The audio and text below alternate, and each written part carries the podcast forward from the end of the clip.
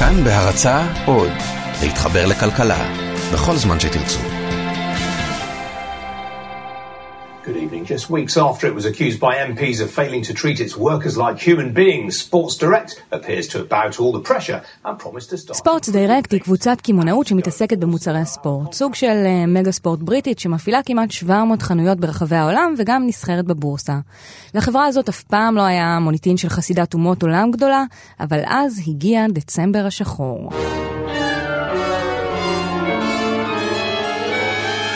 בדצמבר 2015 העיתון הבריטי הגרדיאן פרסם תחקיר על שיטות ההעסקה של החברה.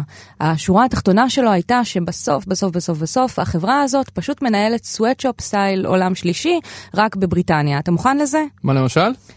אז ככה, העובדים של החברה נענשו ונקנסו אם דיברו אחד עם השני במהלך המשמרת, אם הבוס שלהם חשב שהם בילו קצת יותר מדי זמן בשירותים, ואנחנו מדברים על עניין של דקות, לא של השתקעות. עברו שיימינג פומבי אם הבוס שלהם חשב שהם לא מתאמצים מספיק או שהם חולים יותר מדי. בקשת חופש מידע חשפה שבמהלך שנה אחת בלבד הוזעקו כמעט 80 אמבולנסים לטפל בעובדים במרכז החלוקה של החברה. לפחות במקרה אחד, עובדת פשוט ילדה על רצפת השירותים של ההאנגר הזה, כי מה זה חודש תשיעי כשהבוס מלחיץ אותך להגיע לעבודה? ואם זה לא מספיק, אז התברר שהחברה מעסיקה את רוב העובדים שלה במתכונת של Zero Hours Contract. שזה אומר שהחברה לא מתחייבת לעובדים על שעות עבודה בכלל, שומרת אותם על אש קטנה והם חייבים להיות זמינים כשהיא מזיקה אותם לעבודה, נכון? בדיוק ככה, הפרקטיקה הזאת אמנם חוקית בבריטניה, אבל המוניטין שלה סופר שלילי, ובספורטס דיירקט לקחו את זה עד לקצה, ועל הדרך גם גרמו לעובדים להחתים פחות שעות, וככה שילמו להם פחות משכר מינימום. ואתה יודע מה קרה למניה שלהם? מיד אחרי פרסום התחקיר של הגרדיאן היא התחילה לצלול. בין סוף דצמבר 2015 לתחילת 2017 היא כבר צנחה ב-60%. בשלב מסוים בעלי המניות של החברה פשוט ניסו להדיח את היושב ראש. ברקע אגב אנחנו שומעים מזמורי חג מולד אלטרנטיביים, המבטא אמנם כבד, אבל חיברו אותם אנשים שהגיעו למחות נגד החברה מחוץ לאחד הסניפים שלה.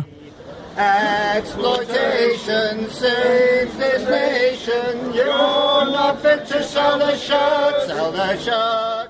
שלום וברוכים הבאים לחיות כיס, הפודקאסט של כאן באמת, אני שאול אמסטרדמסקי. ואני ליאל קייזר, ושאלתי את עצמי הרבה מה בעצם קרה למניה של Sports Direct. מצד אחד היה לי ברור שהמשקיעים פשוט ברחו, כי הורידו לחברה את הדירוג, וכי הם גילו שהחברה הזו היא השטן. מצד שני, יכול להיות שהמניה צללה לא בגלל שהחברה ניהלה sweatshop, אלא פשוט כי היא נתפסה. ועכשיו היא תצטרך לשלם יותר לעובדים שלה, ויהיו לה יותר הוצאות. והאמת, יכול להיות שזו הסיבה. או לפחות חלק ממנה. אז היום אנחנו מדברים על התהיות שלך לגבי שוק המניות העולמי? אפשר, אבל אפשר גם לדבר על מה שנקרא השקעות חברתיות או השקעות אחראיות. אפשר בעצם להגיד שמי שבחרה לנו את הנושא של הפרק השבוע היא הממונה על שוק ההון, דורית סלינגר.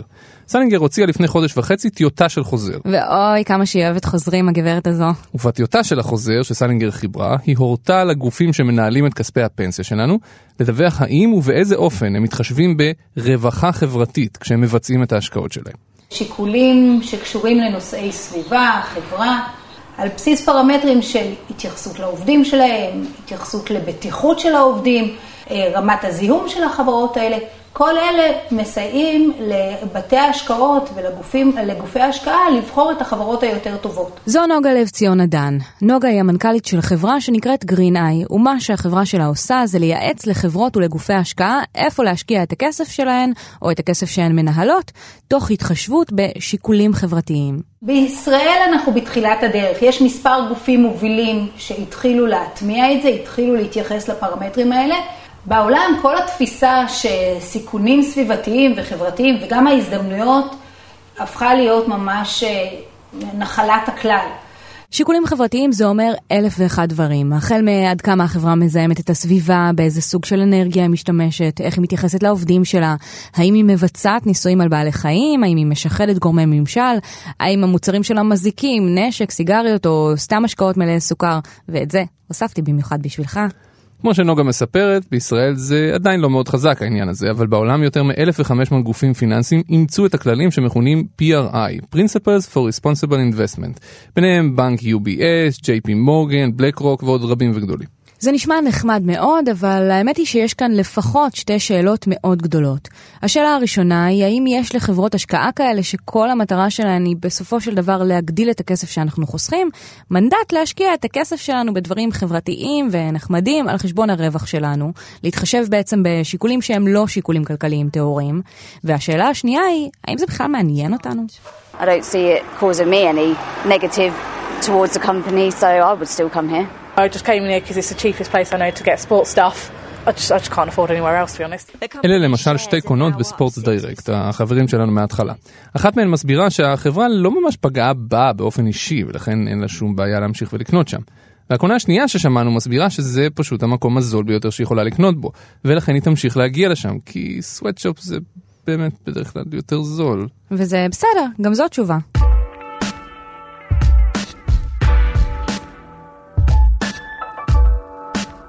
אז איפה כספי הפנסיה שלנו מושקעים היום, והאם יש לנו מושג בכלל? הציבור קודם כל כמעט ולא יודע מה אנחנו מחזיקים בקופות הפנסיה, בקופות הגמל. זה גלעד אלטשולר, בעלים ומנכ"ל משותף של בית ההשקעות אלטשולר שחרם. אלטשולר הוא כריש השקעות ותיק ובאופן חריג יחסית בתחום שלו, ממש לא אכפת לו לספר לנו בדיוק מה הוא חושב, ואת כל זה הוא עושה בזמן שהוא לובש את חולצת ההרלי דיווידסון שלו. נכון להיום הוא משקיע בערך 80 מיליארד שקל מכספי החוסכים, 80 מיליארד שקל מהכסף שלנו. אלטשולר יודע טוב מאוד מה מעניין אותנו, ובעיקר מה לא מעניין אותנו הציבור, ויש לו נקודת מבט די ייחודית כמי שמקבל החלטות השקעה כאלה באופן ממש יומיומי. אחוז קטן מאוד מהציבור באמת מתעניין ויודע מה ההחזקות אה, ישירות שיש לנו בהשקעות השונות, אה, וזה לא במודעות של הציבור כל כך. כי מה? כי בסוף אנשים מסתכלים על, ה, על השורה התחתונה, על כמה תשואה אתה עושה? 99.9% מסתכלים, מה שנקרא, על השורה התחתונה. ולמרות שרוב הזמן ציבור החוסכים לפנסיה באמת לא מתעניין איפה נמצא הכסף שלו ובמה הוא מושקע, אלטשולר זוכר פעם אחת שבה קרה משהו חריג מאוד. זה היה זמן קצר אחרי שיצחק תשובה שמט חובות בהיקף של מיליארד שקלים וחצי, שחברת דלק נדל"ן שבשליטתו הייתה חייבת לחוסכים לפנסיה. בית המשפט אישר היום סופית את הסדר החוב של דלק נדל"ן ובעל השליטה בה יצחק תשובה עם בעלי אגרות החוב בחברה. לפי ההסדר תבוצע תספורת של כ-64 אחוזים מהחוב, שעומד על יותר משני מיליארד שקלים. זמן לא רב אחרי הסדר החוב ההוא, תשובה ניסה ללוות עוד כסף מהציבור על ידי הנפקת אגרות חוב. והפעם, בניגוד מוחלט לכל הפעמים הקודמות שאלטשולר יכול לזכור, הטלפונים במשרדים של אלטשולר שחם התחילו לצלצל. היה לי פניות רבות מציבור רחב מאוד שביקשו שלא נשתף בהנפקה הזאת. הם טענו שבהסדר שהיה בדלק נדל"ן הם הרגישו ששוב היה לא הוגן כלפיהם. ואני שמעתי את הציבור. אני בעיקרון, דרך אגב, חשבתי שמבחינתנו, זאת אומרת, מה כל ההתנהלות שהייתה, אני חושב שהייתה, נגיד, השיטה הקפיטליסטית, אוקיי? אנשים פושטים רגל בעולם, יש הסדרים וממשיכים הלאה. אחד שעשה את זה כמה פעמים הוא היום נשיא ארצות הברית, כן? ולא נכנסתי לסוגיה הזאת, רק ראיתי שהעם, שאנחנו מייצגים את העם, לא רוצה שנשקיע שם. ולכן אמרתי לה, לכל הסוחרים אצלנו שמתעסקים, אגרות החוב החדשות האלה מחוקות, לא קיימות. מבחינתכם, לא בהנפקה ולא אחריה. הם היו גופים שבהנפקה לא השתתפו, אבל אחרי זה קנו. אז כאילו, כאילו הסתתרו. אמרתי, אין, אם אנחנו לא, אז אנחנו לא שם, לא עכשיו ולא, ולא אחר כך. ועקבת וראית אם אה, שילמתם על זה מחיר, אם זה פתאום הפך להיות אג"ח נורא אטרקטיבי? זה לא משנה, זה לא משנה. אני חושב שאין לזה שום משמעות.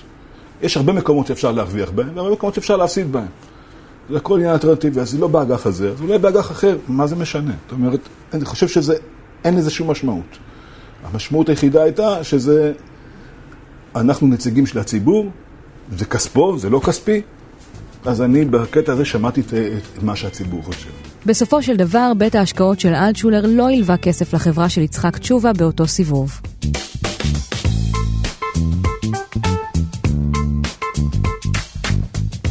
אבל זה לא רק עניין חברתי. לפי אלטשולר, למרות שרוב הזמן השיקולים החברתיים לא מאוד מעניינים את הציבור הרחב, הוא עצמו כאיש עסקים ופיננסים חושב שחברות שטובות לחברה, לסוסייטי שאנחנו חיים בה, הן הרבה פעמים גם השקעות טובות יותר מבחינה פיננסית. אני אישית מאמין שמקום שלא פועל לטובת העובדים שלו, לטובת הציבור, בסופו של דבר הוא לא יצליח. זה יכול להצליח בטווח הקצר, בלונג רן העובדים לא יהיו מסורים ולא לא ייתנו מעצמם, ואני חושב שחברות שפועלות לטובת הציבור, אני חושב שבסופו של דבר הם יצליחו יותר. החוסר הוגנות הסתיים בשלב מסוים. קחי לדוגמה את חברות הסלולר לפני הרפורמה. הרגעת שיש פה רווחים חזיריים שה, שהריר נוטף, נוטף פה. זה הסתיים בסוף. בסוף העם צועק, ואיפה יש חוסר הוגנות, מסדרים את הדברים. זה עניין של זמן. לכן אם אתה לא משקיע במקום שהוא לא הוגן, אם אתה, אם אתה לא משקיע שם, אתה אחרי זה לא נפגע כאשר מסדרים את אותו עניין. ולפני שאנחנו נותנים פרס חסיד אומות עולם לגלעד אלטשולר ולחולצת ההרלי שלו, זה לא שבית ההשקעות שלו משקיע רק בכל מיני חוות אורגניות לגידול חדי קרן. אלטשולר שחם, כמו כל גופי הפנסיה האחרים, משקיעים במניות הבנקים הגדולים למשל, או בחברות מזהמות כמו בתי הזיקוק.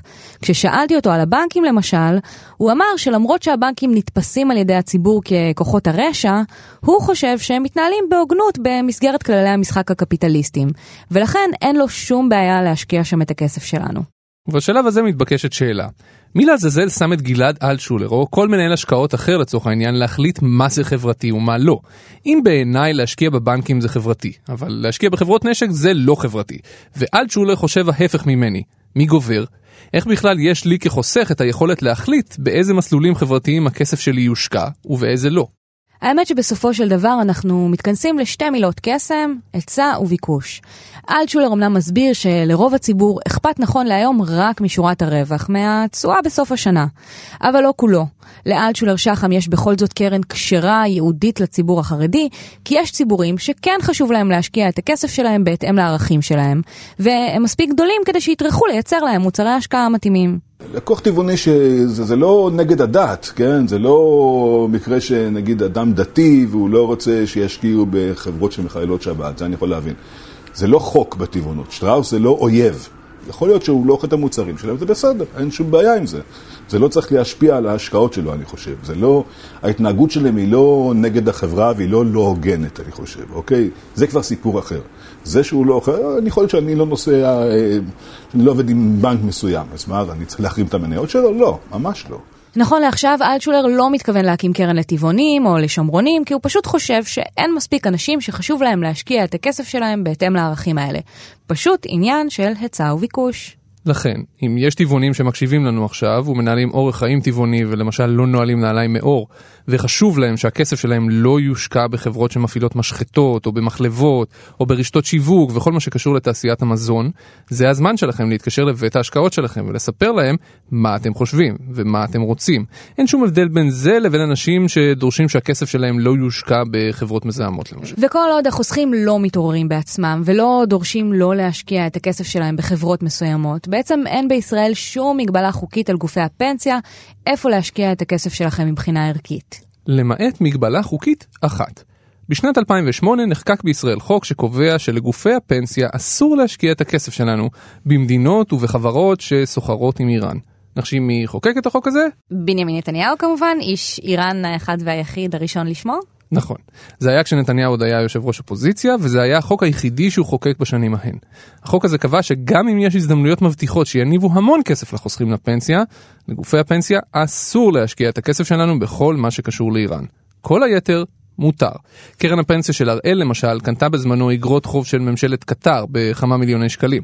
ואז, כשקטר עברה לצד הלא נכון והתחילה לממן את החמאס והכל, הראל פנסיה מיהרה למכור את אגרות החוב האלה ולעזאזל הכסף. העיקר שלא יכתבו בעיתון שהיא תומכת בטרור או משהו כזה. ותארו לעצמכם מה היה קורה אם נתניהו היה טבעוני.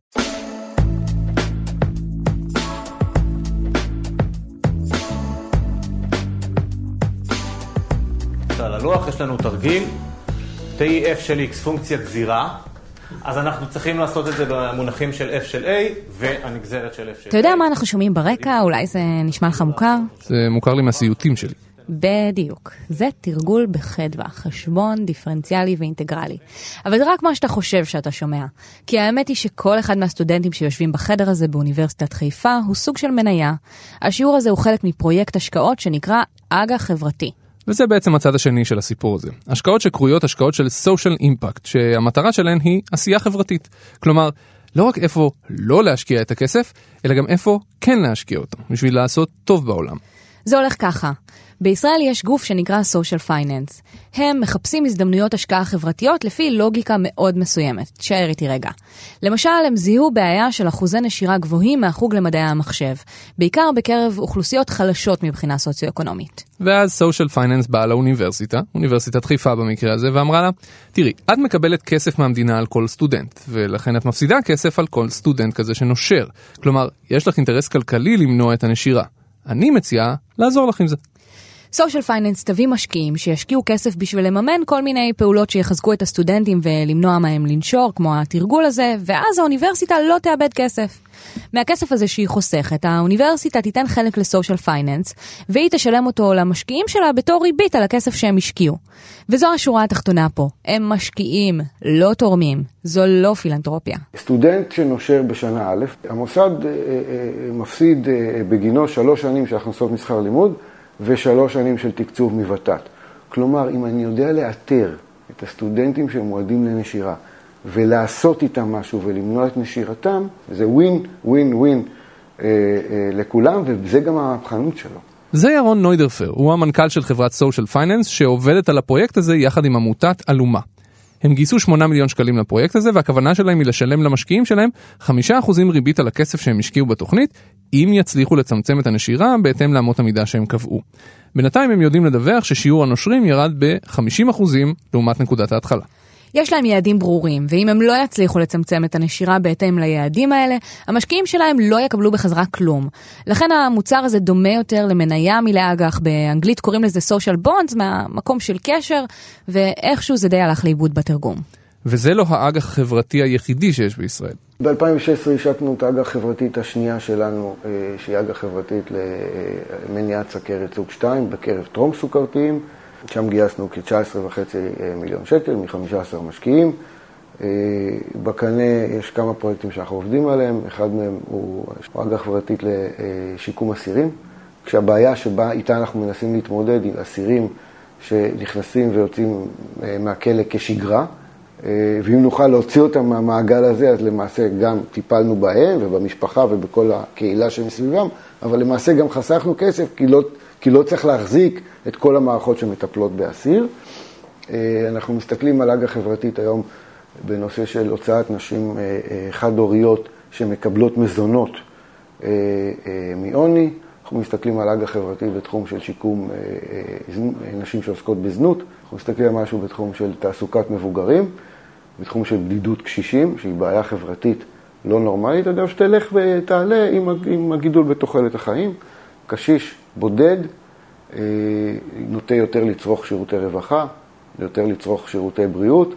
ואם אתה יכול לעשות עם זה משהו, אתה בפירוש יש כאן גם מודל כלכלי. בתוכנית שלהם לצמצום תחלואה בסכרת למשל, הם גייסו את הביטוח הלאומי ושתיים מקופות החולים. הם הבינו שהם יכולים לחסוך להם המון כסף, ועל הדרך גם לצמצם את התחלואה. אז איפה נרשמים? לא כל כך מהר. אתה ואני עדיין לא יכולים לשים בפרויקטים האלה את הכסף שלנו, אפילו אם נרצה. המשקיעים שלהם הם בעיקר אנשים עשירים עם אוריינטציה פילנטרופית, כמה קרנות ואפילו בנק אחד. כדי שאנחנו נוכל להשקיע שם בעצמנו, הם צריכים לפרסם תשקיף. שזה בעצם מסמך שכל חברה שמוכרת מניות או אגרות חוב לציבור הרחב צריכה לפרסם ולגלות המון המון מידע על עצמה, כדי שאנחנו נדע בדיוק מה אנחנו קונים. ולהכין מסמך כזה זה מורכב וגם יקר, ולכן בינתיים מסתפקים שם בפנייה למשקיעים מסוג מסוים, שאותה הם יכולים לעשות גם בלי לפרסם תשקיף כזה. בהמשך הם מקווים לגייס גם את גופי הפנסיה שלנו כדי שישקיעו אצלם. וכשזה יקרה, אם זה יקרה, זאת תהיה נקודת מבחן לאנשים שמנהלים לנו את הפנסיה. וגם לנו. האם אכפת לנו מספיק בשביל ליצור ביקוש להשקעות מהסוג הזה? כלומר, האם נרים טלפונים לגלעד אלטשולרים של העולם לא רק בשביל להגיד להם אל תלוו את הכסף שלנו ליצחק תשובה או לשומט החובות התורן, או גם בשביל להגיד, היי, שמעו, תשקיעו את הכסף שלי באג"ח חברתי למניעת סוכרת. אני מודה שאני באופן אישי בסך הכל די צינית, ומפחדת מספיק מהזקנה שלי בשביל לא להיות בטוחה שאוותר על תשואה יפה, בשביל מטרה חברתית נחמדה, והאמת שהייתי בטוחה שרוב העולם דומה לי. אבל אז בשבועות האחרונים דיברתי על הנושא הזה עם לא מעט אנשים, והם דווקא היו פתוחים לרעיון הזה. נראה לי שבשנים הקרובות כל אחד מאיתנו ייתקל יותר ויותר בצמתים כאלה, שבהם הוא או היא יצטרכו לשאול את עצמם את השאלות האלה. אבל זה יקרה רק אם אנחנו אשכרה נתחיל להתעניין בשאלה איפה לעזאזל הכסף שלנו מושקע.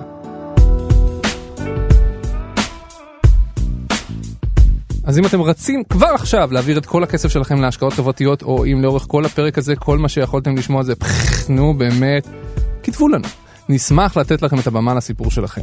אפשר למצוא אותנו בטוויטרים שלנו, בפייסבוקים שלנו, או בעמוד פייסבוק החתיך שלנו, כאן באמת. כנסו ועשו לנו לייק.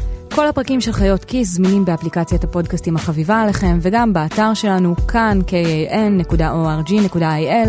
אתם יותר ממוזמנים להציע לנו רעיונות לסיפורים חדשים לספר. תודה רבה לאיש הסאונד אסף רפפורט. תודה גם למפיק והעורך שלנו הצנוע כל כך, רום אטיק. תודה רבה ליאל. תודה רבה שאול. תודה רבה לכם שהאזנתם.